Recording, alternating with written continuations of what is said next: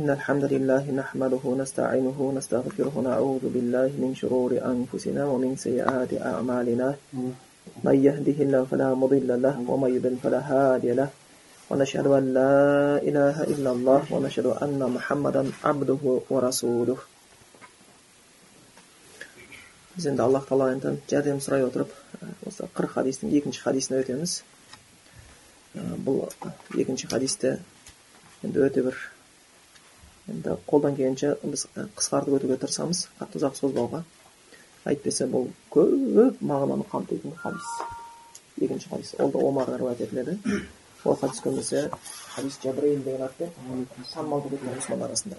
Жабриил хадисі деп кеткен өйткені орда жәбірел періштенің келіп пайғамбарға сұрақ қойып пайғамбар оған жауап беріп сахабалар оны тыңдап үйренгендігіне байланысты болған. Сондықтан бұл хадисте өте бір маңызды. Хадистердің бірі болып табылады екен. Бірінші хадистің өзін оқып қояйық. Бұл хадисті омар ибн әл хаттаб разиаллаху риуаят етеді. Өзі қырық хадистің ішінде омардан екі хадис келген. Екеуі қатар келіп отыр. Ниетке байланысты хадис одан кейін жәбірел хадис. Осы екі хадис риуаят етіледі. Омар разиаллахудан көбінесе көп хадис әби хурайрадан риуаят етіледі.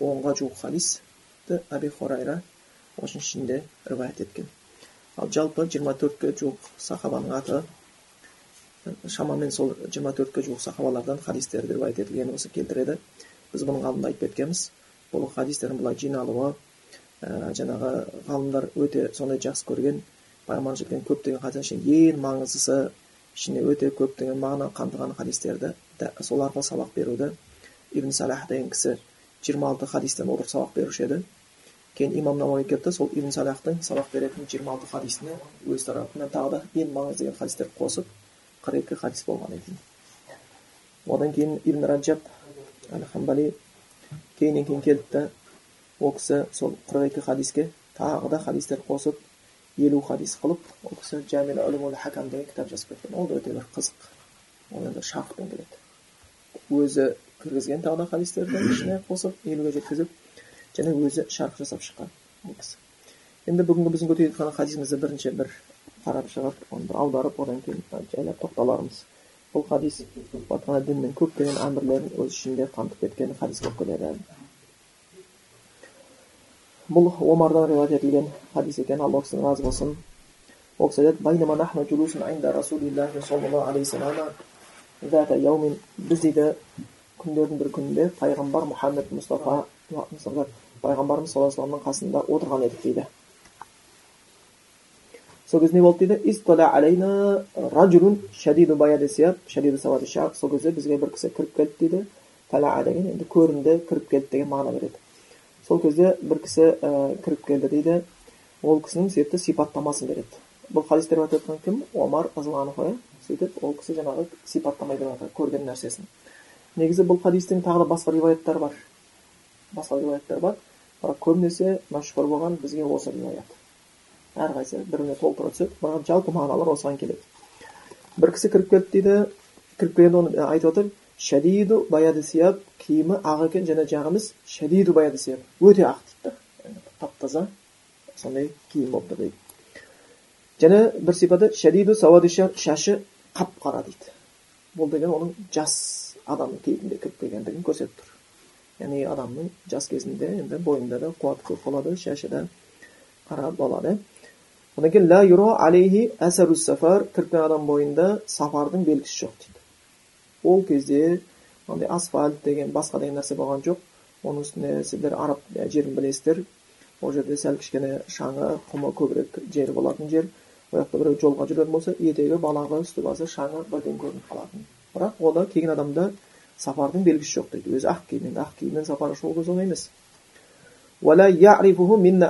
және бізде отырғандардың ешқайсымыз оны таныған жоқпыз дейді ешкім танымайды оны осы арқылы хадис қызық болып басталады да түсінген адамға енді аспаннан түсті ма деген сұрақ туады және бір риуаяттарда келеді бұл жаңа бұл енді періште ғой енді көп танымаған екен біз білеміз ең соңында келіп пайғамбар айтады бұл келген жәбірел періште оларға таныстырады олар білмейді кім екенін кейін шығып кеткеннен кейін де біраз отырған кезде омар отырып қалады пайғамбар қасында кейбір сахабалар жаңағы кісіні артынан ілесіп шыққан дейді да есіктен шығып кеткеннен кейін кім екенін білейік деген сияқты артынан ілесіп шыққан кезде жоқ дейді жоқ болып кеткен олар қайран қалған енді бұл жерде хадистің басталуының өзі бір қызық күйде басталып тұр өйткені біз отырған едік дейді бір күн ойымызда ештеңе жоқ дейді ойламаған жерден бір кісі кіріп, келді киімі аппақ шашы қап қара бойында жолдан келген жаңағы белгісі жоқ сапардан келді деп айтайын десек дейді да сырттың адамы десек ал енді өзіміздің адам деп айтайын десек ешқайсымыз танымаймыз дейді өз жергілікті адам десек ешқайсымыз танымаймыз дейді келді да хатта жаласа наби саллаллаху үшін көрсетейін келді да пайғамбарға келіп жақындап келіп отырып дейді мына тізесін тізесіне тақап дейді. Фасна деген былай тақап. Сонда өте жақын отырды деген сол түсіндіңіздер ғой сонда оның тізесі пайғамбардың тізесіне келіп жақындап тіреліп отырды дейді. Сонда осы бір кейіпте отырғандай болып қалды. Сөйтті да не дейді? Сөйтті да өзінің алақанын каф деген былай екі санның үстіне қойды дейді былай. Кейбіреулер енді пайғамбардың үстіне қойды деп түсіндірме келеді негізі өзінің бұрында замир өзіне қайтады. Келіп отырды сөйтті да қолын санның үстіне қойды дейді. Екі алақанын екі санның үстіне қойды дейді. Одан кейін айтты я мұхаммад пайғамбарымыздың атын атап жатыр сол ахбирни анил ислам маған исламнан хабар бер деп айтты сұрақ қойды. Енді пайғамбарымызға сырттан келіп сұрақ қоюшылар көп болған. Ислам жайында маған хабар берші абзал абзал ислам дегеніміз не иман дегеніміз не ә, мен мұсылман болу үшін не істеуім керек жәннатқа кіру үшін не істеуім керек деген сұрақтармен ислам дінін қабылдағандар жиі келіп қоя беретін бұл кісі бейтаныс адам келді да ислам жайында хабар бер деп айтты дейді сонда пайғамбар мұхаммед мұстафа саллаллаху оған жауап берді фақала расулалла саллаллаху алейhi ал ислам ислам дегеніміз деді не деп айтты дейді сенің куәлік беруін аллахтан өзге ғибадатқа лайықты ешбір тәңір жоқ деп айтты дейді уанна расулалла және мұхаммед аллахтың елшісі намазды оқу зекетті беру рамадан рамазан айының оразасын тұтуың шамаң келетін болатын болса жол тұрғысында онда аллахтың үйіне қажылық рәсімін орындауың деп дейді осыны айтқаннан кейін жаңағы сұрақ қойып отырған адам енді жәбір періште ғой не дейді садақт дұрыс айттың деп айтты дейді шын сөзді айттың деп айтты. Дейді сол кезде хадисте риуаят омар не деп айтады? Фәажибту деп өзінен айтпайды. Мен таңқалдым деп айтпайды. Фәажибна отырған бәріміз таңқалып қалдық дейді. Неге? Не үшін таңғалды бұл жерде олардың таңғалған себебі кейін түсіндіреді. Пайғамбарға сұрақ қояды да жауап берсе дұрыс айттың деп пайғамбар дұрыстап отыр дейді кім ол дейді ол мүмкін емес нәрсе дейді. Жай адам пайғамбардан білмеген нәрсені сұрайды. Айтқан екен а дұрыс айтасың деп айту үшін пайғамбардың біліп отырған нәрсесін білген болу керек болмаса пайғамбардан артық білген болу керек болмаса пайғамбармен тең білген болу керек. Төмен білетін болса а білмеп едім мен білдім рахмет деп айтар еді. Ол пайғамбар айтады дұрыс айтып жатрсың деп айтты дейді да осыған біз таңқалдық дейді бұл тұста қазір бұның бір керек жері бар онда біз айтып өтеміз. Аллах нәсіп етіп ол тұстарға жетіп жатқан болсақ.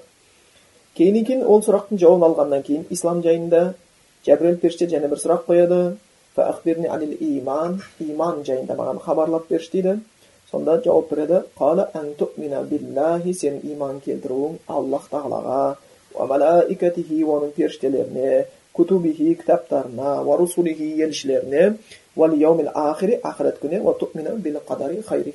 және тағдырға жақсысына жаманына иман келтіру деп жауап берді дейді бұл қала садақ жолда дұрыс айттың деп айтты дейді бұл жолда дұрыс деп айттың деп айтты қала үшіншінші сұрақ қойды ихсан жайында хабарлап берші ихсан деген бір нәрсені өзінің кәміл дәрежесіне жеткізіп орындау тікелей аудармасы жақсы жақсы күйде істеу жақсылық деген мағынаны береді қала сол ихсан жайында сұраған кезде пайғамбар сенің аллах тағаланы көріп тұрғандай ғибадат жасауың егер сен оны көріп тұрғандай күйде ғибадат жасай алмасаң аллах тағала сені көріп тұр аллах тағала сені көріп тұр дейді осы ихсан дәрежесі осыда жауап бергеннен кейін үшінші сұраққа төртінші сұрақ қойылады ол жаңағы пайғамбарымызға айтады қиямет күнінде хабарлаш деп айтып береді қияметтің мұрады саа деп келеді сондай бір мезгіл қиямет орындайтын мезгілді айтып береді екен осы сұрақ қойылған кезде пайғамбар жауап берді сұралып жатқан адам яғни өзін айтты сұраушыдан жәбірел періште айтып жатыр білушірек емес екеуміз де бұны білмейміз деген сөз енді қияметтің қашан болатынын аллах қана біледі оны жәбірел періште де білмейді періштелер де білмейді адам да білмейді ешкім білмейді оны аллах біледі сол осылай жауап береді жауап берген кезінде осылайдан ол ары қарай қалай қояды деген белгілері аламат белгілерін онда айтып берші дейді. Қияметтің қашан болатынын білмейтін болса онда белгілерін айтып бер деген кезде бұл жерде пайғамбар мұхаммад бір белгілерін айтып кетеді аматы деген былай айтқанда күн. Осы жерде біліп алыңыздар. Жалпы арабтарда құлдарды әйел кісі болатын болса әматун дейді. Ер кісі болатын болса абдун деп атайды. Қазақта тура солай бөлеміз. Құл деп көбінесе біз ер кісіге айтамыз күн деп әйел кісіге айтамыз. Түсіндіңіздер ғой? Күн деп әйел кісіні айтамыз да яғни бас бостандығы жоқ қожайыны бар біреудің еліндегі адамды біз еркек болса құл дейміз әйел болса күн дейміз. Арабтарда дәл сондай қылып бөледі әйел болса әмәтун дейді құл мағынасын береді еркек болса абдун деген мағынасын береді екен. Деген сөзбен айтады екен. Сонда айтады ол не болады қиямет күнінің белгілерін айтшы дегенде күн адам яғни әйел кісі біреудің құлдығында жүрген күн әйел кісі не туып алады өзіне рамбадаға өзіне қожайын туып алады дейді бір белгісі бұны уақытысында түсіндіреміз не нәрсе екенін және сен көресің сондай бір адамдарды. Ол қандай адамдар дейді? Жалаң аяқ жалаңаш кедей адамдар. Ша деген шәтунның көпше түрі шәтун деген мынау ұсақ малдарға арабтардың беретін атауы. Ұсақ малдарға оның ішіне қой да ешкі де бәрі кіріп кетеді қой ешкінің бәрін қосып атаған кезде оларды шәтун деп атай береді ал мына көпше түрі сол шәтунның сондай дейді сондай қой баққандар дейді өздері жалаң аяқ жалаңаш кедей еді қой бағушы еді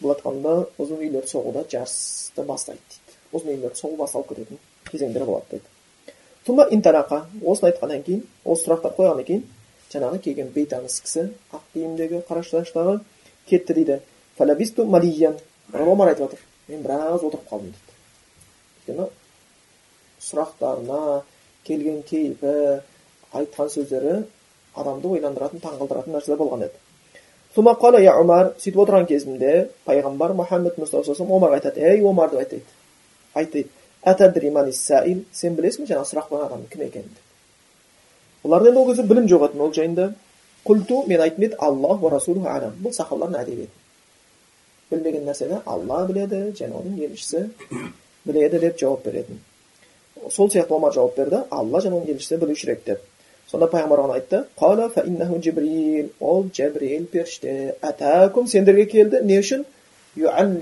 үйрету үшін сендерге тәлім беріп кету үшін ілімін беріп кету үшін ненің динакум сендерге діндеріңді үйретіп кету үшін келді дейді сонда бұл хадис ішінде дін айтылып кетті түсіндіңіздер ма аз ғана нәрсенің ішінде бүкіл дін айтылып кетті дін дегеніміз өзі үш нәрседен тұрады екен ислам иман ихсан түсіндіңдер ғой осы күйінде тұрады екен енді осы хадистің ә, біз біраз ә, тоқталып өтейік аллахтан жәрдем сұрай отырып аллах тағала біз бен сіздерді шынымен де дұрыс білім алуға лайықты етсін ол ілімдерімізді шынымен де аллах тағала алғаннан кейін рия басқа нәрседе пайдаланып кетуден сақтасын.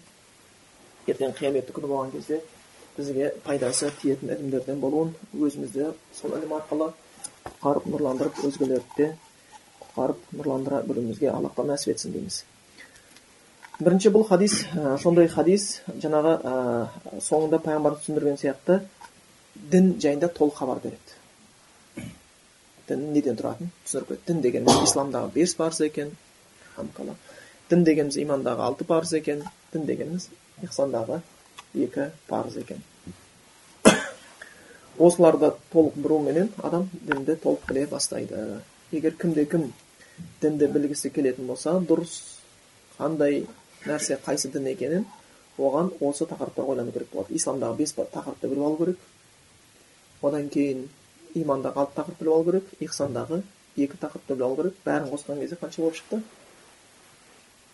Он үш болып шықты. Сонда осы он үш тақырыпты білсе онда жалпы ислам туралы мағлұматтар ол адамға келе бастайды екен. Өйткені ілім дінді жай білімсіз тай салу ол дұрыс емес. Егер ілімді әркім өзі қалаған құлшылығын істей беретін болса әркім өзінің білгенін ей құдайға сенеміз ғой ниетіміз дұрыс қой деп әркім білгенін істей беретін болатын болса онда былай айтқанда аллахтың жіберген пайғамбарларының түсірген кітабының не мәні қалады онда не үшін үйретті пайғамбар мұхаммед мұстафа саллаллаху алейhi өзі дін үйрену үшін аллахқа мұқтаж еді әйтпесе пайғамбарымыз құдайға құлшылық қылмаймын деген жоқ қой дұрыс па пайғамбар мұхаммед мұстафа саллаллаху алейhi елінің адасқанын көріп ширк істеп жатқанын бәрін көргеннен кейін ең бірінші ол кісінің істеген нәрсесі не болды тауға көтеріліп хайран күлмей отырды құдайға құлшылық қылып отырды бірақ кейін тура сол құлшылығын істеді ма одан кейін хиран көріне көтерілді ма пайғамбар? Жоқ. Қалай құлшылық керек екенін аллах өзі үйретті тура солай істей бастады. Тура солай істей бастады. Егер пайғамбар мұхаммед мұстафа саллаллаху алейhi дінді ұстануда аллахтың тәліміне үйретуіне мұқтаж болатын болса біз де мұқтажбыз міндетті түрде сол үшін әрбір нәрсені қолдан келгенше құран мен сүннетке сәйкес істеуге тырысуымыз керек болады екен. Қарасақ жәбірейіл періште арнайы келіп отырып үйретіп кетті ілім алудың және осы жерде бірнеше бізге хикметтер шығады бірінші ілім алуға қызықтырады бұл хадис өйткені ілімсіз шайға жете алмайсың әр адам өзінің шамасынша ілім алуға тырысу керек ілім ол үлкен бір құлшылықтың түріне кіреді исламдағы ең бірінші тіпті бұйрық исламда деп басталған иә алғашқы бес аят алақ сүресінде оқы деп басталған әр мұсылман адам ілімге ұмтылу керек. Өзінің шамасына қарай мүмкіндігіне қарай аптасына бір сағат болса да кем дегенде солай істеу керек. Ал мүмкіндігі бар адамдарға мол болған болса ол артықшылық етпейді шама шарқысын өлшеп білсін. Екінші ілім алудың әдептері болады. Жай ғана ала салмайды екен. Қарасақ бұл жердің өзінде жәбірейіл періште пайғамбарымызға құран аяттарын әкеліп жүрді. Дұрыс па? Пайғамбар жеткізіп жатты. Ал бірақ неге көзге көрініп келіп айтып кетті? Әдеттерді үйретті. Келді пайғамбарымыздың алдына таза киімде таза кейіпте.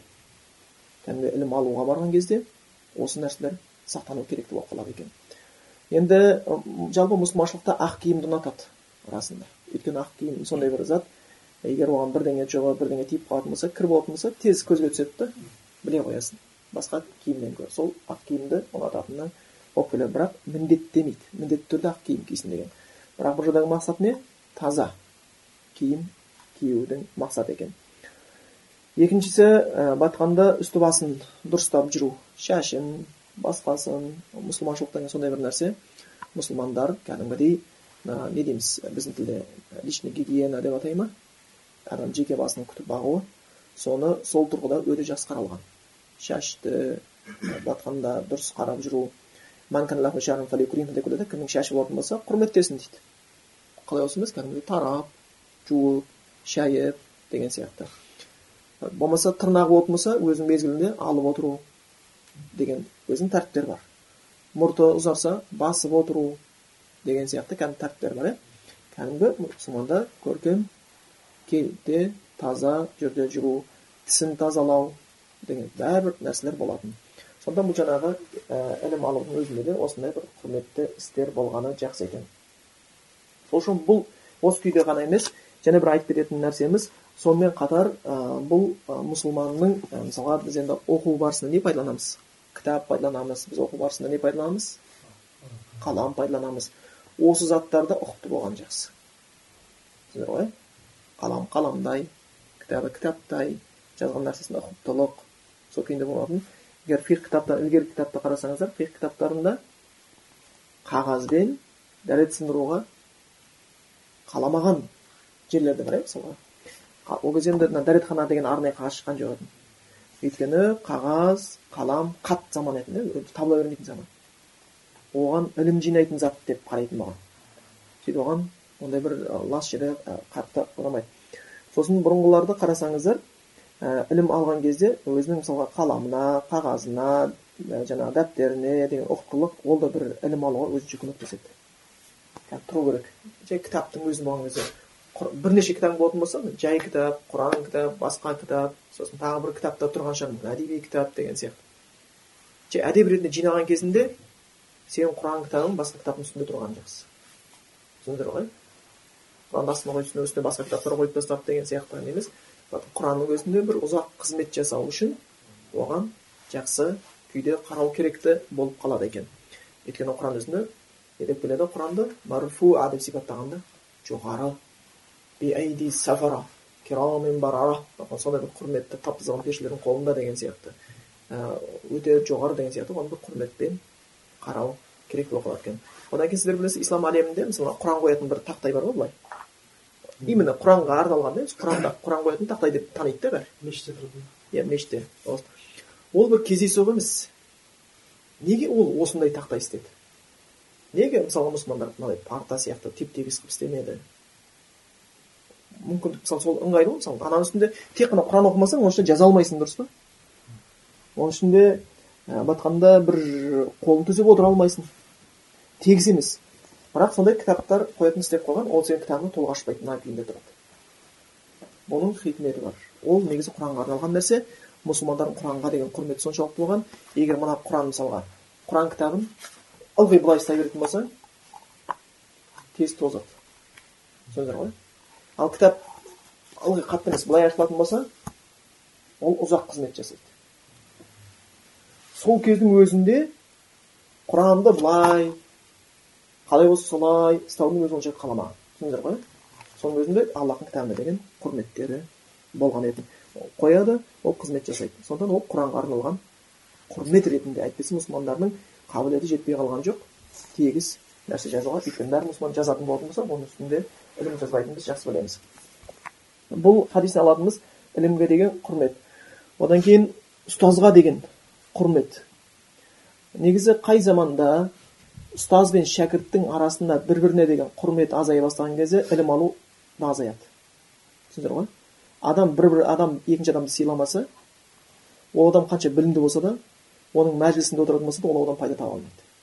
Сол үшін ілгергілер ұстаздарына дәріске баратын кезде дұғаларында аллах тағала бізге ұстазымыздың кемшілігін көрсетпе деп дұға қылып баратын да. Өйткені адам пенде. Сен ол туралы бір нашар хабар еститін болсаң одан бір кемшілік көретін болатын болсаң сен ол туралы жаман ойға түсесің да оны тыңдау барысында беріліп тыңдай алмай қаласың. Сол үшін шайтанның ең жақсы көретін нәрсесі аллах жолында қызмет жасайтын үлкен ғалымдар үлкен дін қызметкерлерінің арасыменен қарапайым халықтың арасын бұзуға тырысады. Олар туралы өте көп нашар хабар таратып ең қызығы сол. Жай адам туралы қызық емес. Неге? Олар туралы құрмет азайған кезде олардан барып ілім алу да азаяды болмаса отырса да әй сөйлей берсін біз де оны білеміз деген нәрсе пайда болады ал ілімді сондай нәрсе оны сен құрметтемесең ілімге сен ұмтылмасаң ілім саған ештеңке бермейді ештеңе бере қоймайды сондықтан бұл жерде жаңа бір не жәбірел періште келді да жалпы сахабалардың алдында ұстаз бен шәкірт қалай ілім алатынын көрсетіп кетті енді ілім алудың осы жерде және бір жолы бар ілімді кітаптан оқып алуға болады ілімді жазып алуға болады естіп алуға болады бірақ ілім алудың ең жақсысы бір жерде отырып бірін бірін көріп отырып алған ілім түсіндіңіздер ғой бұл ең кәдімгі сүннетте келген ілім сахабалар пайғамбарымыздан осылай алды жәбірет періште солай үйретіп кетті неғұрлым жақын соғұрлым жақсы деген сияқты сол үшін бұл жерде жәбірел періште не тізесін тізесіне тақап отырды деп келіп отыр да. Ал және хадисте келеді сахабалар айтады біз пайғамбар мұхаммед мұстафа саллаллаху қасында болған кезде ол кісіден біз не жаңағы құран аятын тыңдағанда хадис тыңдаған кезде олардың отырыстары қандай болып сипатталатын еді өздері сипатталған жәбірел періштеден келген сияқты олар айтады тура басымызда құс қонып тұрғандай. Бүкіл ұмытып кетеді да. Бар ынтасымен берілетін жүзіміз жүзіне тиіп кете жаздайтын дейді да бар ынтасын қойып тыңдаушы еді деп келеді сонда осы жерде сол ілімнің алудың жаңағы шәкірт пен ұстаз арасындағы құрметтерді белгілеп қояды екен ұстаз оның үстіне шәкірттеріне жақсы қарым қатынаста болу керек ә, шәкірттер ұстазына одан кейін бір біріне дұға тілек деген сияқты басқа ізгі қабілет қасиеттер де араласып тұруға тиісті болып табылады екен. Сонымен бұл осы нәрсені жаңағы ілім алудағы әдепті бірінші үйретіп кетті. Одан кейін ілім алудың бірнеше жолдары бар. Ілім алудың біз жаңағы енді кітаптан ұстаздан отырып деген сияқты ең жақсы айттық. Бетпе бет отырып алған ілім бәрі жетпейді. Біздің заманымызда қазір онда көбейді біздің заманымызда соткалар бар біздің заманымызда интернет бар біздің заманымызда радио бар. Тіпті мен сол жақтарда медина қаласында ілім алып жүрген кезде нурун аладдарб деген сауд арабиясында радиосы бар. Таза осы дінге арнап қойған жиырма төрт сағат. Тек қана дін. Хадис құран фатуа бүкіл бар. Тіпті түс жоритын ғалымдарға дейін шығады. Муфтидің өзін шығып отыратын уақыттар бар. Осындай бір дәрісте жүретін сонда бір шейхтің айтқан сөзі бар. Біз осы радионы ашқанымыз осынша уақыт болды.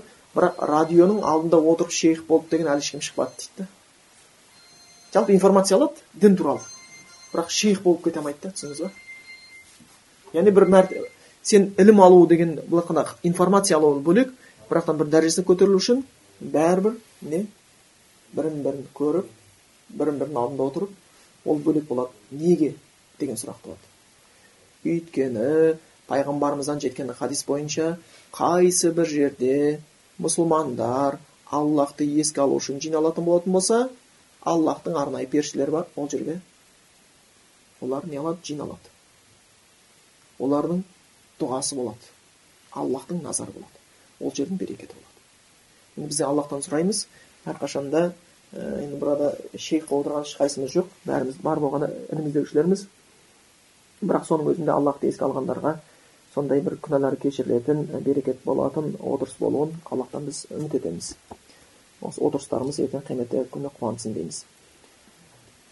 Және де осы бір ілім алудың өзінің тәртіптері соған байланысты осы хадистерге сүйене отырып кейбір ғалымдар ілім алу тәртіптерін жазып кеткендер болған қалай алады қай күйде алады сахабалар сол пайғамбар ілім алды деген кейін сахабалар сахабалардан білім алған кезде қандай күйде болды абдулла ибн аббас зейд ибн сәбитке барып ілім алу үшін келеді ғой барам дейді барсам енді ұстаздың есігін қағудың өзін бір ыңғайсыз көріп отырған да күтіп отырамын дейді да өзі үйден шығып қалған кезде қолыңыз бос болса ілім алайын деп едім айтайын деген деген сияқты сосын келгеннен кейін үйдің қасына келемін да егер былай өзі күн ыстық кез ғой енді үйлер аласалау болған кез ақырында ана неде келген сияқты хабарда пайғамбарымыздың әйелдердің үйінің бәрін дейді қолы қолың потолокқа жететін үйлер еді дейді да дәу үйлер болмаған.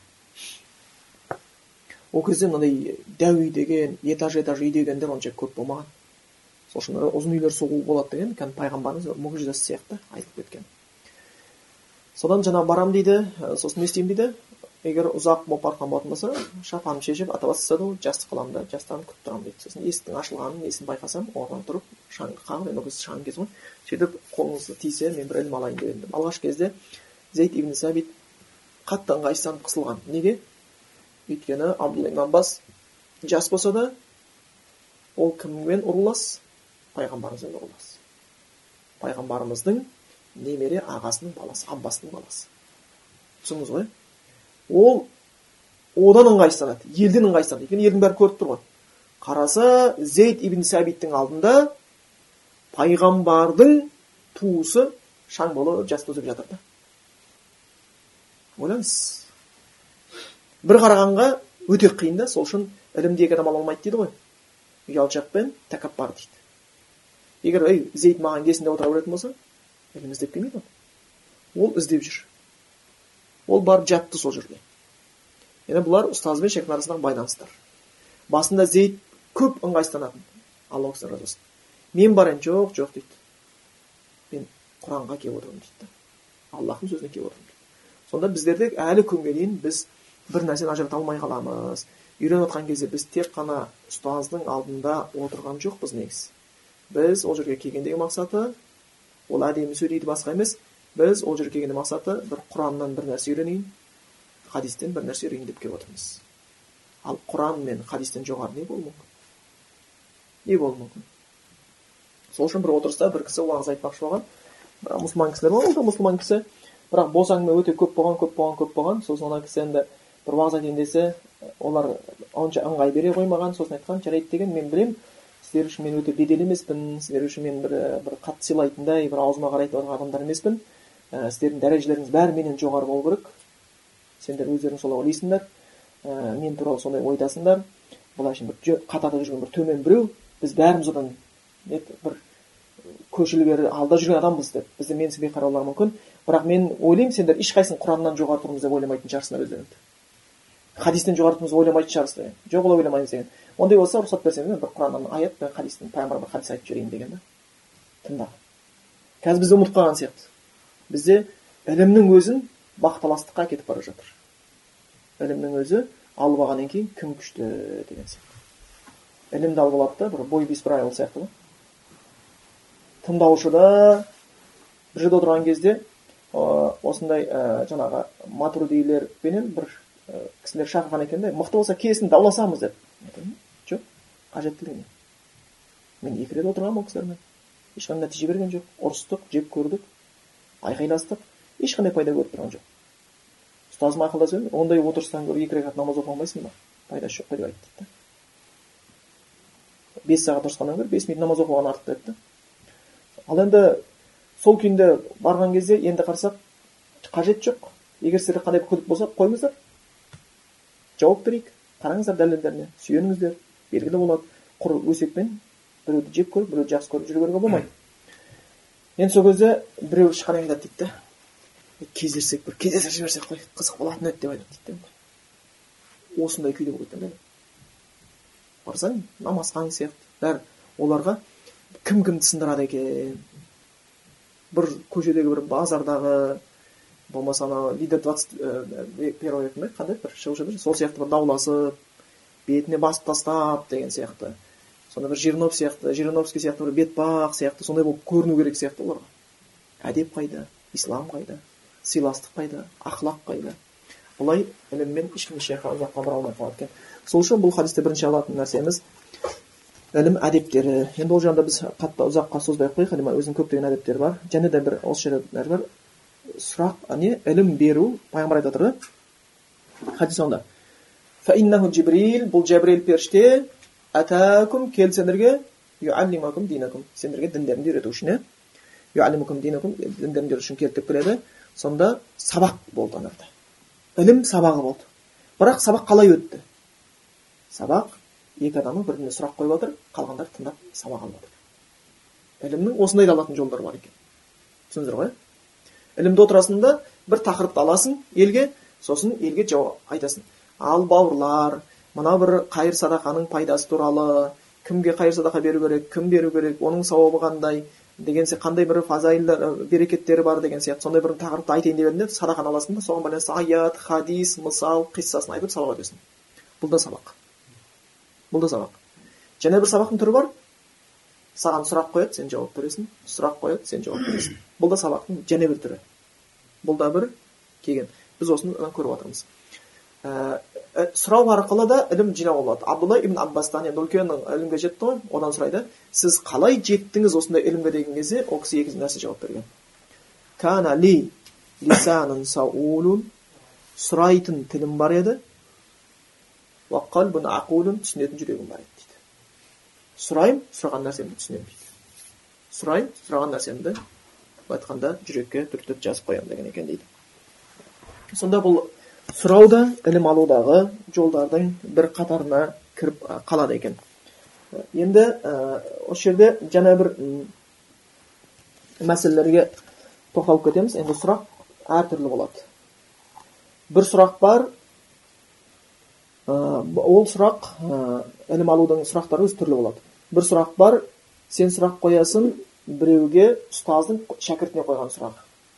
Оған сабақ берген одан кейін ол қаншалықты берген сабақты түсінді ма түсінбеді ма деген ойменен шәкіртіне сұрақ қояды. Сөйтіп оның қаншалықты түсінгенін түсінгенін анықтау мақсатында түсіндіңіздер ғой бұл шариғатта бар сұрақ. Оны былай мақтаулыға тұратын сұраққа кіреді. Сұрақтың екінші түрі бар.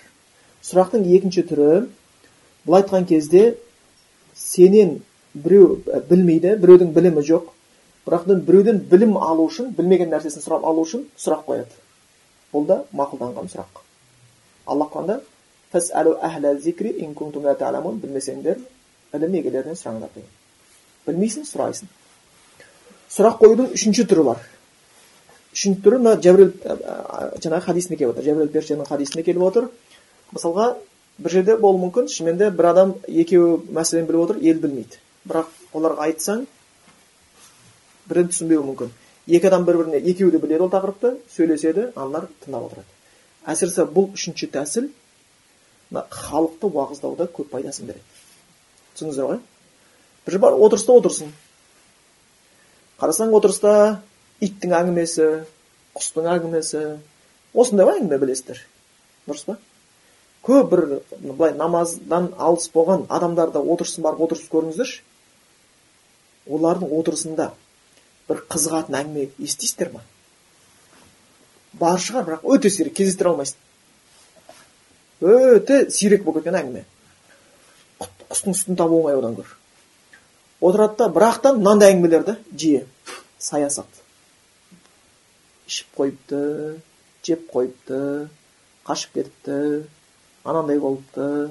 Әй білеміз ғой анандай қылыпты біреу ажырасыпты. Ылғи!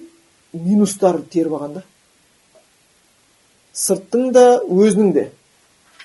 Туған ағасына айтсаң да ей ана туған ағаңдай той жасап болса әй ол ипотека жасаған деген сияқты осы әңгімелер. Одан болмаса ит құстың әңгімесі қорадағы қой туып еді. Егіз туыпты біреу өліп қапты. Егіз сиыр егіз туса біреусін бер жіберу керек екен. Осындай әңгіме шықпайды. Одан төмен түсіп кеткендер сауна қыз қырқын әйел адам былай аузына алуға ұялатын сөздер да кей кезде бір қарап тұратын болсам мен бір тойды көрдім. Тойда сөз сөйлейді ғой қазақтардың тойы енді сөйлеу ғой білесіңдер. Сөйлемей қалса өкпелейді тыңдай беретін адам өзі аз бәрі тыңдай қоймайды. Бірақ сөйлей береді әйтеуір. Микрофон алып сөйлегенге мәстір. Қарасам жастар екен біразы тойға келгеннің намаз оқитын жастар оларға микрофон беріліп жатыр және ол жерде жасы үлкендер бар кәдімгі сақалы жоқ деп қана айтпасаң қариялар жетпіс алпыстан асып кеткен үлкен үлкен қариялар отыр да енді қарап отырсаң сөздер ол намаз оқитын жас шығады шешен болмаса да шығып алып енді алла тағала сіздерге берекет берсін пайғамбарымыздың дұғасы бар екен сол дұғасын айтайын сендерге деген сияқты бір әдемі сөйледі да қариялар шығып алады да жоқ неғып отырмыз ей? Мына той сияқты болмады ғой мынау ей бір музыка қайда? Деген сияқты. Біз баяғыда деп бір әңгімелер басталады. Мен менің тегім анандай. Мен мен бар ғой мен бүйткенде мен ол мен деп. Бір жаңағы кісі айтқан сияқты. Дәке қазір мына кісі шықты. Мына кісінің мен деген сөздерін санаңызшы жай деді. Шатасып қалдым ғой біз байқамайды екенбіз. Енді мына той болып жатыр ғой. Мен бұл екеуміз бірге оқыған кезде мен бұның қасында партада отырған кезде мен бұл қызды алайын деп жатқан кезде мен бүйткен кезде мен мен оған ақыл бергенде мен келе береді екен. Бәрі осы күйге өтіп кеткенін көреміз. Енді осындай бір отырыстарда сұрақ қоюдың және бір түрі бар. Қандай сұрақ? Сені тыңдағысы келіп тұрған жоқ. Сол кезде екі дін білетін адам әңгімені бұру үшін. Білмегесінен менде бір сұрақ болып тұр еді кешіресіз. Осы ә, жаңағы ә, жәннатқа кіру үшін мысалға жәннат деген нәрсе бар екен ғой осы жәннатқа кіру үшін адам не істеу керек өзі? Болмаса. Осы біреулер әруаққа сыйынуға болады дейді біреу болмайды дейді сол дұрысы қайсысы сен білесің ол дұрыс емес екенін. Бірақ сені тыңдамай жатыр қазақта мақал бар. Шамның жарығы түбіне түспейді дейді. Болмаса қазақша және бір мақал бар. Ауыз ауылдағыны ауыз сасық деп қояды да өзін өзі тыңдамайды. Сол кезде сен екінші бір адам келіп тұр. Оған осы сұрақты қоясың. Сен де білесің оның жауабын ол да біледі бірақ мақсатымыз ел білсін деп айтасың. Бұл жәбірел хадис. Бұл да сұрақтың және бір түрі бұл да дағуаттың және бір түрі бұл да ілім алудың бір түрі. Төртінші бір сұрақ бар. Ол мақтаулы сұрақтардың қатарына кірмейді. Сен бір отырыста отырасың да бір кісіге бір сұрақ қоясың. Бір алыстан ол білмейді ау деген сияқты. Өзің оқып алған бір қуыс қуыстан деген сияқты. Болады ғой бір сондай бір сұраққа құмар ғой бауырлар. Бір кісі неде отырған кезде отырып отырып жирафтың етін жеуге бола ма? деп сұрап қойған сияқты. Шейхқа. Сосын шейх тұрыпты да енді әңгіме мүлдем басқа да. Жирафтың етін жеуге бола ма? сосын тұрыпты шейх қарап а үйінде жираф бар ма? депті. Жоқ десе неге сұрап алсын? депті неге сұрап алсын? деп. Тура сол сияқты бір бір болады. Енді мықты болсаңыз айтып жіберіңізші. Анау үңгірге кірген кеқовтағы жеті баланың қасында ит болған дейді иттің түсі қандай өзі дәу ит па кәнден ит па? Қандай ит? Адам адам жеміс жеме деген екен ол бидай ма алма ма жүзім ба? Айтып жіберіңізші мықты болсаңыз. Осындай бір сұрақтар болады. Мәселе не? Анау жауап бере алмай қалса екен. Сөйтіп соның мәртебесін түсірсем деген да.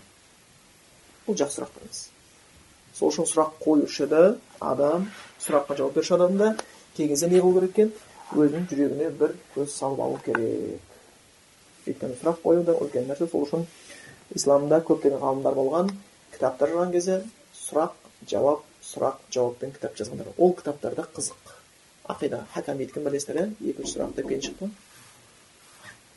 қояды да аят пен хадистен жауап береді сұрақты қояды да аят пен хадистен жауап береді сондықтан фиқ ілімде де сондай амал істеген ғалымдар болған масаил деп білетін бар мысалы ханафи мазхабында ол кісі ғалым фиқты қалай жазып шыққан сұрақ қояды жауап береді сұрақ қояды жауап береді сөйтіп жауап береді жазып шыққан ол да бір жеңілдетеді адам баласына бұл жаңағы ә, байланысты хадистің несіне айтып кеттік одан кейін келді да жәбірел періште сұрақ қойды бірінші сұрағы ислам жайында хабарлап берші деді пайғамбарымыз мұхаммед мұстафа саллаллаху ислам жайында айтып кетті исламдағы бес парызды оны бәріміз білуіміз керек енді осы жердегі ислам деген сөздің өзі мағынасы бой ұсыну деген мағына береді истислам деген мысалға ә, нелер бар ә, мысалға арабтарда сөз бар мысалға айтайық бір ә, екі жақ соғысып қалды да екінші жақ жеңіліп берілді дейді да болды деп қаруын қолға жерге тастап екі қолын көтеріп өзімен адамдарға истаслама болды біз берілдік ұтылдық бізді өлтірмеңдер айтқандарыңды істейміз деген сияқты. Ол жерде қолдан ал енді ислам деген сөздің мағынасының бір нәрсесі бірнеше мағынасы бар. Соның бір мағынасы не? Алла тағала сен мені жараттың сен маға сен бізді үйлен жаңағы көбейтіп жер бетінде тараттың менің мен аш едім тойдырдың жалаңаш едім киіндірдің сен маған құран жіберіпсің сен маған пайғамбар жіберіпсің құранда мына нәрсеге бұйырыпсың пайғамбардың тілінде мына нәрсеге бұйырыпсың енді сол нәрселерді мен орындауға дайынмын мен бой ұсынамын айтқаныңды істеймін халалыңды халал деймін харамыңды харам деймін осыны бойұсыну дейді ислам дейді түсіндіңдер ғой осы бір несі мағынасы бойұсыну сол үшін ислам деген мағынасын сұраған кезде пайғамбарымыз айтып берді біріншісі сенің куәлік беруің аллахтан өзге сыйынуға лайықты ешбір тәңір жоқ және мұхаммед аллахтың елшісі бұл сөзді айтқан кезде біз әрбір сөз айтқан кезде бір міндет туындау керек иә бос сөз жоқ қой дұрыс па сен қазір біреуге айтсаң ә, ертең сағат екіде кел сол кезде жолға уақытым болады десең сосын ол саған ертең екіде келсе. Не үшін келді десең сен екіде келдің ғой. Ой жай айта береміз ғой сөзге сене бересің бе сен? Жай айта салдық деуге болмайды ғой дұрыс па? Екіде кел жолығамыз дедің күтіп отырамын дедің яғни сен ол сөзде бір мағына бар. Яғни әрбір сөздің бір мағынасы бар дұрыс па? Енді енді одан ұлы сөз болған кезде сен аллахқа айтып жатсаң алла менде ешбір күмән жоқ куәлік беру деген сөз нақты күмәнсіз нәрсеге куәлік бересің ғой дұрыс па мен куәлік беремін сенен өзге ешбір өзге сыйынуға лайықты тәңір жоқ біреулер әруаққа сыйынып жатыр ол дұрыс емес біреу исаға сыйынып жатыр ол дұрыс емес біреу күнге сыйынып жатыр ол дұрыс емес біреу жынға сыйынып жатыр біреу періштеге оның бәрі дұрыс емес алла саған ғана сыйынуға керек мен осыны түсіндім дегеннен кейін сен енді не істейсің? Әруаққа сеніп жүре бересің ба? Жынға періштеге сеніп жүре бересің ба? Балшыға барасың ба? Жоқ. Кім бұл сөзді түсінген мезетте әруаққа сиынудан періште жынға сиынуға палшыға барудан бас тартады. Болды. Бұл адам түсінген адам. Түсіндіңіздер ғой? Яғни адам не айтып жатқанын түсінуге тиісті. Сонда біз кәдімгі енді осы мұсылманшылыққа кіретін алғашқы кіргізетін сөздердің осы біреусі ғой куәлік береміз аллахтан өзге сыйынуға лайықты ешбір тәңір жоқ біз бұны сабақтарымызда өте көп не қылдық иә айттық. Burada және бір түсіндірмесін беріп кетейік. Өйткені бұл деген сөзде енді көп те нәрсе жоқ. Өзі былай айтқанда төрт сөз келіп тұр. Лә деген мағынасы жоқ. Илаха сиынатын зат илля араб тілінде истисна дейді.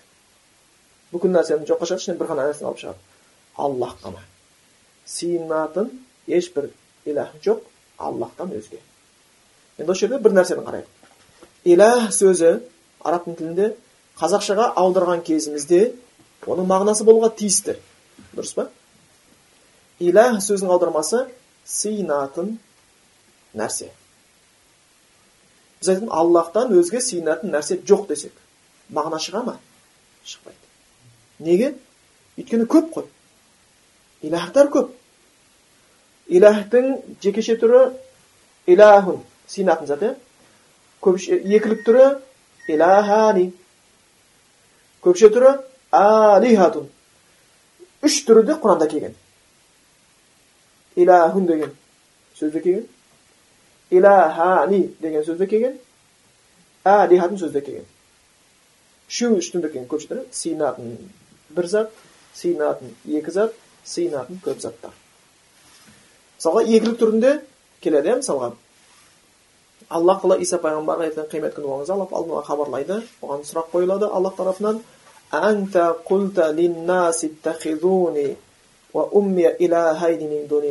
иса сен ба адамдарға айтқан.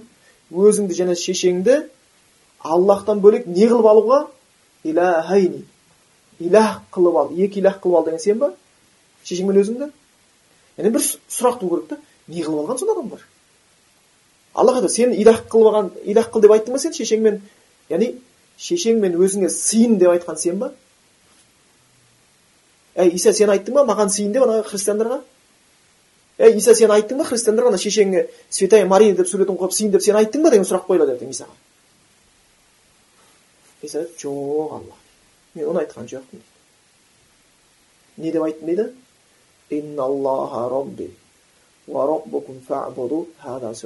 Мен оларға айттым дейді ей адамдар аллах тағала менің раббым сендердің раббыларың аллаға ғана ғибадат жасаңдар алла ғана сыйыныңдар осы тура жол деп айттым олар өздері сиынды мен кеткеннен кейін шешеме өздері ойлап тапты ол нәрсе алла олар жазалайсың ба кешіресің ба өзің біл деп өзінің үмметіне халқынан бас тартады ойлаңыз иса пайғамбар сондай пайғамбар айтқанда пайғамбарымыздың алдында болды иә мысалға содан кейін біздің пайғамбарымыз келіп отыр ол сондай пайғамбар басқа пайғамбарларда болмаған бір сипат бар ода ол ақыр заманда пайғамбар мұхаммед мұстафа үмбеті болуға лайықты болады түсіндіңіздер ғой иә ол пайғамбар дүниеге өте ғажап түрде дүниеге келген әкесіз аллахтың күн фаякун бол деген сөзімен бола қалды жаңағы сол күйінде сол үшін исаның бір нәрсе калиматулла аллахтың сөзі деп келеді. Өйткені сөз деген мен пайда болды. Бол деді бола қалды. Сөйткен иса ертең қиямет күнінде аллах ей иса сен ба өзіңе шешеңе сыйын деп айт деген кезде иса зәресі ұшып бас тартып жатыр. Енді ойлаңыздаршы пайғамбар емес ол пайғамбардың дәрежесіне жете алмайтын исаның да мусаның да пайғамбарымыз мұхаммедтің де дәрежесіне жете алмайтын жай бір әруақ әулие оған біреулер барып сыйынады иса сұрақ қалынды пайғамбар болып тұр күнәсі жоқ бірақ исаны сұрақ қалды не үшін біреулер оған сыйынғаны үшін ертең аналардың ата бабалары сұрақ қалмайды түсіндіңіздер ғой ертең қожа ахмет яссауи сұрақ қалынады қожа ахмет яссауидің кінәсі болып жатқан үшін емес адамдар келіп соған сыйынғаны үшін ертең айтқанда басқа да әулие жаңағы ахмад бадауи дейміз ба ар жақтағы кейінгі қанша деген әулиелер толып жатыр иә солардың бәрі сыйынған әруақтары ата бабасының әруағы болар. Батыр болып баратын ағыбай бөгенбай деп шығатын шығар. Солардың бәрін ертең алла айтады. Ей бөгенбай ей яссауи сен ба адамдарға сыйын деген? Жоқ. Айтқан жоқпын. Ана адамдар да қойды аналар да қиналады екеуі де сұраққа түседі сол үшін адам баласы нақты білу керек куәлік беріп жатқан кезінде мен куәлік беремін аллахтан өзге сыйынуға лайықты ешбір тәңір жоқ сонда бірде лә жоқ иләһә сыйынатын зат жоқ бірақ көп болып тұр ғой біреу отқа сыйынып біреу суға біреу бас неге әруаққа жынға сыйынып жатыр бұның бәрі сыйынуға лайықты емес деп келеді ол дегеніміз аллах тағала ақиқат аллахтан бөлек нәрсе сыйынған нәрсенің бәрі батил жалған тәңірлер деп жалған тәңірлер сол үшін бұл жердегі исламның бірінші парызы сен сонымен мұсылман боласың сен қай бір ғана аллах тағала сыйынуға лайықты аллахтан өзге сен ешбір нәрсе бөлек нәрсе сыйынуға болмайды осыны түсінген кезде адамдар мұсылманшылыққа келеді болып қалады екен толығыменен екіншісі мұхаммад расулулла мұхаммед аллахтың елшісі деген сөз біз ә, мұхаммед аллахтың елшісі деген кезде не құр айта саламыз ба алла деген сөз жеңіл аллаға ауыз жол емес деп абай айтқан сияқты ол құр алла деп айтып құтыла салмайды ешкім бір амал болу керек дұрыс па мен аллах тағала ғана сыйынуға лайықты дегеннен кейін сен ар жағында қандай амал тұрады болды әруаққа да сыйынбаймын періштеге де басқа сыйынбаймын деген сөз тұр сол үшін әруаққа сыйынушылардың ешқандай дәлелі жоқ ешқандай құраннан да хадистің дәлелі жоқ аллах тағала оларға не айтады ол аллахтан бөлек нәрсеге сыйынғандар дейді. Өздерінде білімі жоқ ол жайында дәлелдері жоқ. Ата бабаларында дәлелдер жоқ дейді. Неге олар ең көп айтады? Неге әруаққа сыйынасың десе? Не деп айтады? Дәлелдері ата бабамыз сыйынған дейді. Құран айтқан пайғамбар айтқан деп айта алмайды. Өйткені ол құранда да хадисте де бір аллахқа сыйын деп айтады. Серік қоспа деп айтады. Сол үшін әрқашанда білуіміз керек мысалға пайғамбар мушриктер мушриктермен соғысты мушриктер дейміз. Мушрик деген сөздің өзіне көп адамдар ойлайды мушрик дегенді құдайсыздар деп ойлайды да. Жоқ ондай емес. Қазақшаға мушриктерді екі түрлі аударады екен иә біреусінде не деп аударады? Аллахқа серік қадушылар дейді. Бұл дұрыс. Екінші көп құдайшылар дейді. Бұл әлі толық мағына бермейді. Орысшаға да аударады екен. Многобожники деп қояды. Бір жағынан дұрыс әлі толық ашпайды тағы. Многобожник деген кейбір адамдар ойлап қалуы мүмкін ол құдайға сыйынбайды құдайды мойындамайды. Будда кришна болмаса басқа бір құдайларды мойындап жүрген біреу деп жоқ. Мушрик деген сөздің мағынасы алланы мойындайды. Бірақ аллахтың қасында біреуге сыйынады. Сөйтіп серік қосады. Кімге? Серік қосады? Аллахқа сол үшін ол мушрик. Түсіндіңіздер ғой иә? Неге мушрик деп аталған? Егер ол аллахты мойындамаса ол кафір атеист. Ол серік қосып жатыр оған аллах айтқан жоқ. Әй екі әруаққа қатар қосып серік қосып жатыр деп жатқан жоқ. Аллахтан кейін бөлек нәрсеге сиынып аллахқа серік қосып жатыр дейді да түсіндіңіздер ғой? Сол үшін ол мушрик. Сол үшін ол многобожник. Құдайды мойындайды сол үшін пайғамбар мұхаммед мұстафа кезіндегі мушриктер кәдімгі меккеде олардың біреуісінің аузынан құдай жоқ деген сөз шыққан емес түсіндіңіздер ма біреуісінің аузынан құдай жоқ деген сөз шыққан емес омар разиаллаху анху мұсылман болмай тұрып өзінің бір уәдесін пайғамбарға айтады кейін ислам дініне кіргеннен кейін мекке мұсылманның қолына өтті ал омар енді ислам дінін қабылдады өте сондай бір батыр адам өте ақылды дана адам сондай кісі болды. Кейін кейін пайғамбар мұхаммед мұстафа саллаллаху алейhi келіп айтады я расула дейді не айтады? Дейді. Да мен дейді мұсылман болмай тұрған кезде дейді. Да жахилет жахилет дегеніміз исламға дейінгі дәуір айтады. Жәһіл болып жүрген кезінде жахилет дәуірінде дейді омар дейді аллахқа уәде бергем дейді. Ант ішкем қағбаның түбінде бір түн қонып ихтикаф жасаймын қай кезде жахилия кезінде мушрик болып жүрген кезінде не істеймін дейді да пайғамбар айтады уәдеңді орында дейді осы хадиске қарап ғалымдар бір күн ихтикаф бір түн ихтикаф жасауға болады деп үкім шығарады әйтпесе пайғамбарымыз он күн істеген аз істеуге бола ма болмай ма талас туды ғой ғалымдардың арасында болады деп келді өйткені пайғамбар айтқан сен уәде берген болсаң уәдеңді орында сол үшін бір түнде ихтикафқа кіре береді дейді мысалы біреу жұмыста күндіз мешітке қонуға шамасы жоқ жұмыстан кейін келді да кешке иша намазына кіріп фаджрда шығып кетті ихтикаф ниетімен кіре алады бірақ біз бұл алайын деп отқанымыз олар пайғамбарымыз дағуатын қабылдамастан бұрын жахилет дәуірінің өзінде құдаймен ант етеді екен да түсіндіңіздер ма құдайды мойындайды және олар құдайды мойындамайды ол жерде не деп келеді? Құран аятында аллахтан бөлек нәрсеге сиынып жүрген адамдар бар дейді. Олар өздерінің сиынған заттарын әруағы болар әулиесі болар басқасы болар сиынған заттарын алла тағаланы сүйгендей сүйеді дейді. Бұдан не шығады? Мушриктер аллахты жақсы көреді екен. Бірақ ол мушрик тозаққа түсе түсіндіңіздер ма сондықтан бұл өте сақ болу керек аллахты біз де қорқамыз аллахтан. Білеміз аллахтың барына бірақ ата бабамыз сыйынған сендерге адаспаңдар дейді да. Тура пайғамбарымыз кезінде мушриктің сөзін қайдан алып мушриктер одан да қатты сүйген. Аллахты мушриктер аллахпен ант етіп орындаған анттарын абу жахил бадыр соғысына кетіп бара жатып не деп айтқан? Алла мені мұхаммедтің алдында қорғымашы жеңіс бер деген сөйтіп сұраған. Өлді өйткені ол мушрик болып табылатын сол үшін лә илаха иллаллах деген сөзін біз куәлік береміз осы сөз айтқан кезде біз не айтамыз? Аллахтан өзге сүйінуға лайықты ешбір тәңір жоқ. Мұхаммед расулалла мұхаммед аллахтың елшісі деген сөз айтамыз. Енді мұхаммед аллахтың елшісі деген сөз айтқан кезде және бір мағына шығады дұрыс па? Мен неге айтып жатырмын мен мойындаймын алла мен мойындаймын сенің жіберген адамың мұхаммед сенің елшің сенен келген пайғамбар. Мен соны мойындаймын онда сен не мойындап жатрсың құр осыны айт деді ма аллах тағала жоқ мойындамай жатыр па? Мойындайды. Христиандар ішінде пайғамбарым пайғамбарын мойындайтындар бар дұрыс па? Да он нет пророк деп қояды. Онда мойындайтындар бар.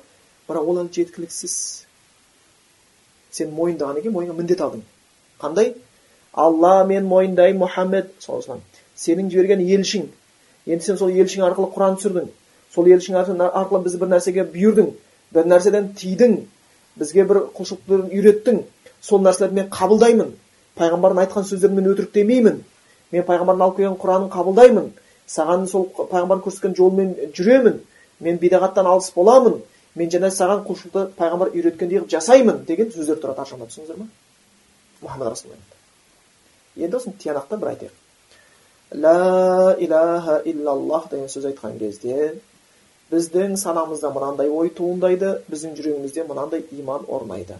Аллахтан өзге сыйынуға лайықты ешбір тәңір жоқ. Яғни алла сыйынуға лайықты тәңір бір ғана аллах деген. Алла біреу деген ұғым туындайды.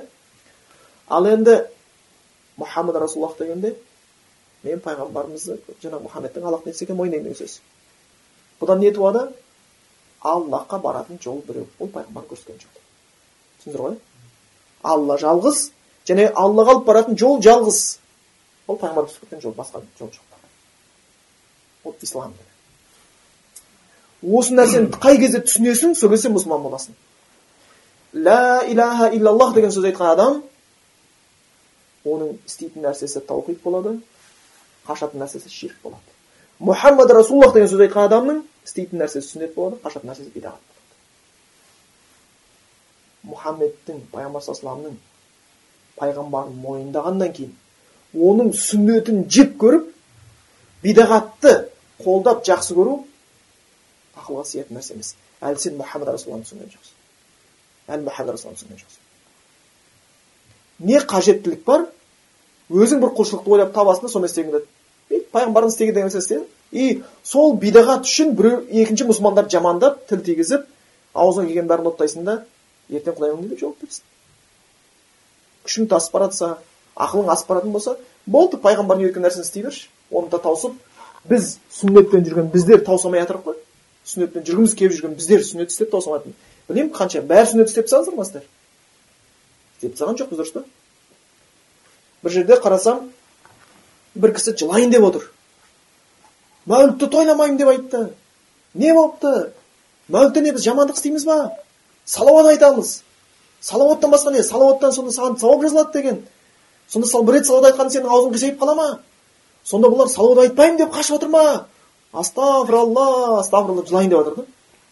Субханалла сенің мәуліт тойламайды деген адамдарың сенен көп салауат айтып жүрген болуы мүмкін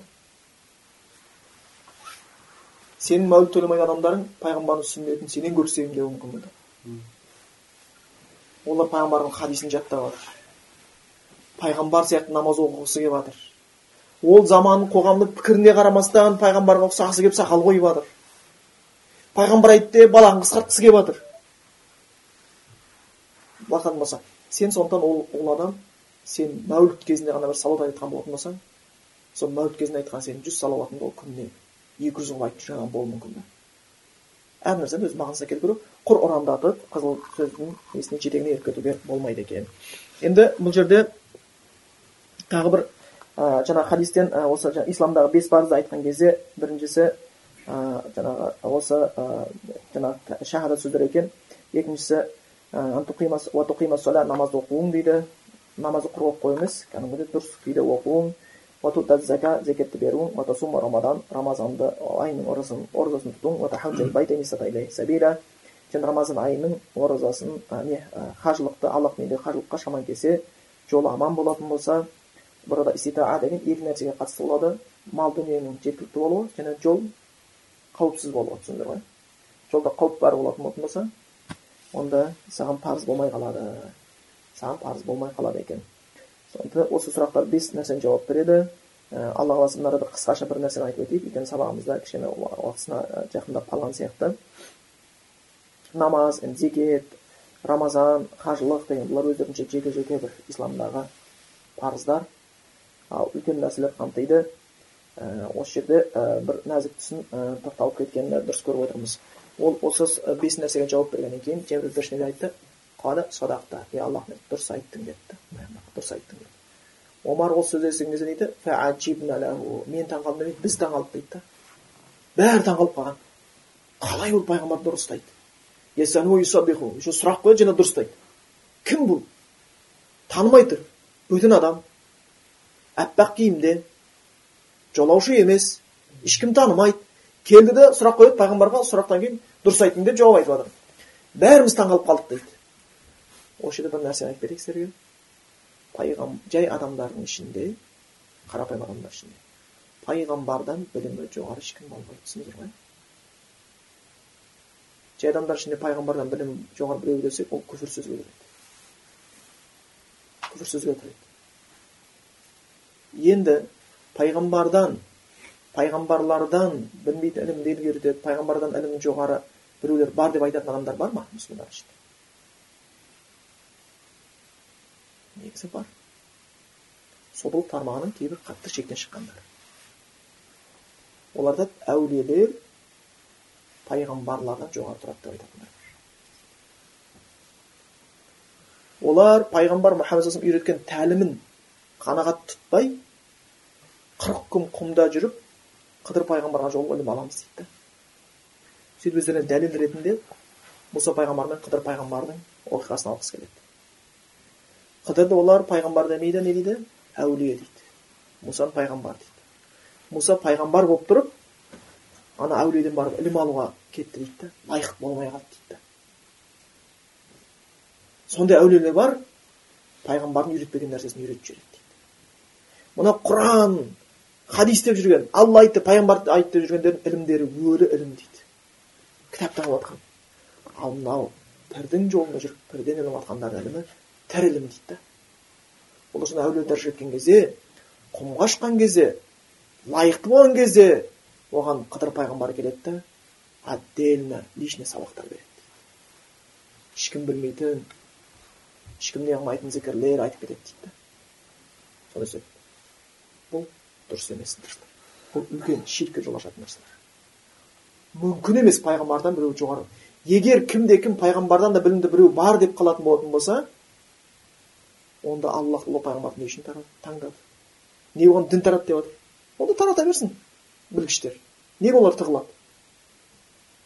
Қыдыр пайғамбар тірі болатын болса неге ол пайғамбар мұхаммед мұстафа саллаллаху кезінде бой тасалап ешқайсысына жолықпайды? Не сахабаға не пайғамбарға келіп сәлем бермейді не жолықпайды не сөйлеспейді да пайғамбар өтіп кеткеннен кейін сахабалар өтіп кеткеннен кейін тығылып келіп бір әулиеге барып сабақ беріп жүр да еще құмға шақырып алып. Лично ол шайтан ол. Шынымен оның көзінде шайтан адам кейпінде келіп беріп жатқан болуы мүмкін сабақ. Адастыру үшін ширк кіргізу үшін бидағатты кіргізу үшін. Түсіндіңдер ғой? Сол үшін мына жерде хадис сахи хадис бұл анық айтып жатыр. Растаған кезде біз таң қалып қалдық дейді да. Кім ол? Мүмкін емес жай адамдардың ішінде пайғамбарға дұрыс айтасың деп айтатындай оны растайтындай кім ол деп айттық дейді да. Кейін жауабын тапты сөйтсе ол жәбірейіл періште екен да. Періште екен. Жай періште емес жәбірейіл періште екен. Түсіндіңіздер ғой? Сосын және алатын нәрсе жай адамдардың ішінде пайғамбардан білімі жоғары тұрады деген ешкім жоқ. Ең жоғарғы білім пайғамбарларда. Неге өйткені пайғамбарлардың ұстазы аллах тағала ал қалған әулиенің ұстазы тек қана адам ұстазы алла болмай ұстазы адам болған адам теңесе ма теңеспейді ғой сол үшін осындай бір қате ұғымдар келеді бұл жаңа шығып жатқан нәрсе жаңағы біз сұрағаннан кейін растағаннан кейін садақ та дұрыс айттың деген кезде бәріміз таңқалып қалдық кім ей бұл растайтындай деп аң таң күйде қалды пайғамбар жауабын айтқанша пайғамбар жауап кейін ол жауаптарын түсінді осы күйінде жаңағы бір негізінде келді сол үшін қыдыр негізі ол пайғамбар дұрысырақ сөзге оның өзінің көптеген дәлелдері бар өйткені ғайыпты аллах тағала не деп айтқан құранда алимул ғайби ғайыпты білуші аллах тағала ол ғайыпқа ешкімге әшкере етпейді ешбір адамға ғайыпты айтпайды илля бірақ айтады пайғамбарлардың ішінде пайғамбар елшілер расулдардың ішінде бәріне ма таңдауларына риза болғандарына пайғамбарлардың ішінен алла тағала таңдап отырып соны айтады ондай болатын болса қыдырдың істеген нәрсесі ғайып қой дұрыс па баланы өлтірдіңіз не үшін өлтірдің десе кейін өскеннен кейін әке шешесіне зәбір көрсетеді дейді ғайып па ғайып қой кім біліпті өлтірген онда бұл өте үлкен нәрсе шығар келген кезде ана пірдің алдына барған кезде пір деген сондай әулие келіп отырған шәкірттің жүрегіндегі нәрсесін біліп қояды екен аузубилля пайғамбар білген жоқ пайғамбар мұхаммад айша анамызды зина істеді деген өсек тараған кезде пайғамбар неге біліп қоймады неге біліп қоймайды ол нәрсені ең жан ауыратын еркек адам үшін ең қатты тиетін нәрсе пайғамбар қандай уайымдады қандай қайғыға батты неге пайғамбар біліп қоймады онда неге пайғамбар мұхаммад саллаллаху бір адамдар алдап келіп бізге сондай ғалымдарын жіберіңдерші ілім үйренейік үйренейікші деп ана өңшең сахалардың ішінде құран жаттағандарын алып кетіп апарып сыртта өлтіріп тастаған кезде пайғамбар соларды өлтіру үшін жіберді ме? Неге олардың жүрегіндегі айланы біліп қоймады? Аллах білдірмейінше. Ал бұл жақта отырып алады да шәкірттің жүрегіндегіні оқиды екен. Шіли кетіп қалғандық.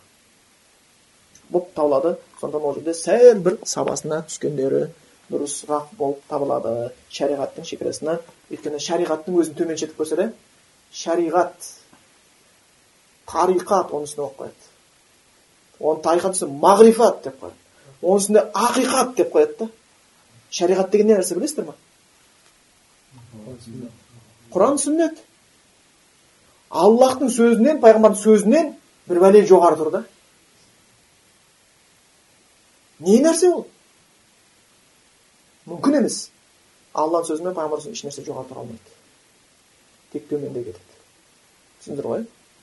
Келеді да құран сүннет деген жай бір ілім. Оны любой оқи береді одан да жоғары ілім бар. Секретный ешкім білмейтін дұғала сол үшін жаңағы ибн араби деген кісі болған соғылардың көсемдерінің қатарына есептелінеді. Ибн араби деген кезде шатастырған болсақ екі араби бар. Ибнуль араби деген бар. Бұл үлкен ғалым кісі. Әлі суннаның тәпсір ілімінде аты шыққан одан кейін ибн араби деген бар. Айырмашылығы неде біреусінде әл артиклі бар. Түсіндіңіздер ғой? Ибнуль араби. Екіншісінде әл артикль жоқ. Ибн араби. Бұл соба. Собалардың көсемі. Біз айтсақ президенті десек болады. Оның кітаптарына салсаңыздар собылықтан зәрең ұшып кетеді терең ұшады оның айтқан сөздері оның өте бір нелер күйінде келтіреді өзінше хадис айта береді. Сөздері хаддасани робби маған құдайым айтты құдайым айтты деген ол вообще ілім керек жоқ қой оларға азында тұрып алады да маған құдай айтты түсімде көрдім деген сияқты. Пайғамбар келіп айтып кетті сендерге айтып жатырмын деген сияқты отыра береді да. Не омар не абу бәкір пайғамбарды өте жақсы көрмеді ма не біз кім, кім айта алады? Мен абу бәкірден де жақсы көремін пайғамбарды деп. Таласа аламыз ба сондай махаббатқа? Мен омардан жақсы көремін деп айта аламыз ба пайғамбар өлгеннен кейін пайғамбар келіп оларға екен. Мен бірдеңені ұмытып кетіппін абу бәкір үмбетіме айт деп неге айтпады? Ал құран айтады еттім дейді. Жеткіздім дейді. Ол жеткізген болды. Сондықтан жеткізбеген нәрсесін егер жеткізбеген нәрсе қалған болатын болса аллах тағала пайғамбар саллаллаху ажалын кешіктіретін еді толық жеткізіп алу үшін. Дінін жеткізу үшін жеткізетін болған сол үшін аллахтың жәрдемімен жеңіс жетті деген кезде абдулла көзіне жас келген пайғамбар саллаллаху алейhi қайтыс болатын уақыт жақындап қалыпты ғой өйткені аллахтың жәрдемімен жеңісі жетті дейді дін толық босады дейді соңғы түскен сүрелерден еді сонда сол ибн арабидің білсең сопы араби не болып тұр екен бір әлсіз деп алсақ болады әлсіз араби не деп айтады сопы айтады деген сөзі бар кітабын оқып таңқалып шошығамын біз әулиелер теңізді кешіп өткенбіз пайғамбарлар жағада су жалдап жүрген кезде дейді кетіп қаламыз дейді ар жаққа сондай сөзге дейін кеткен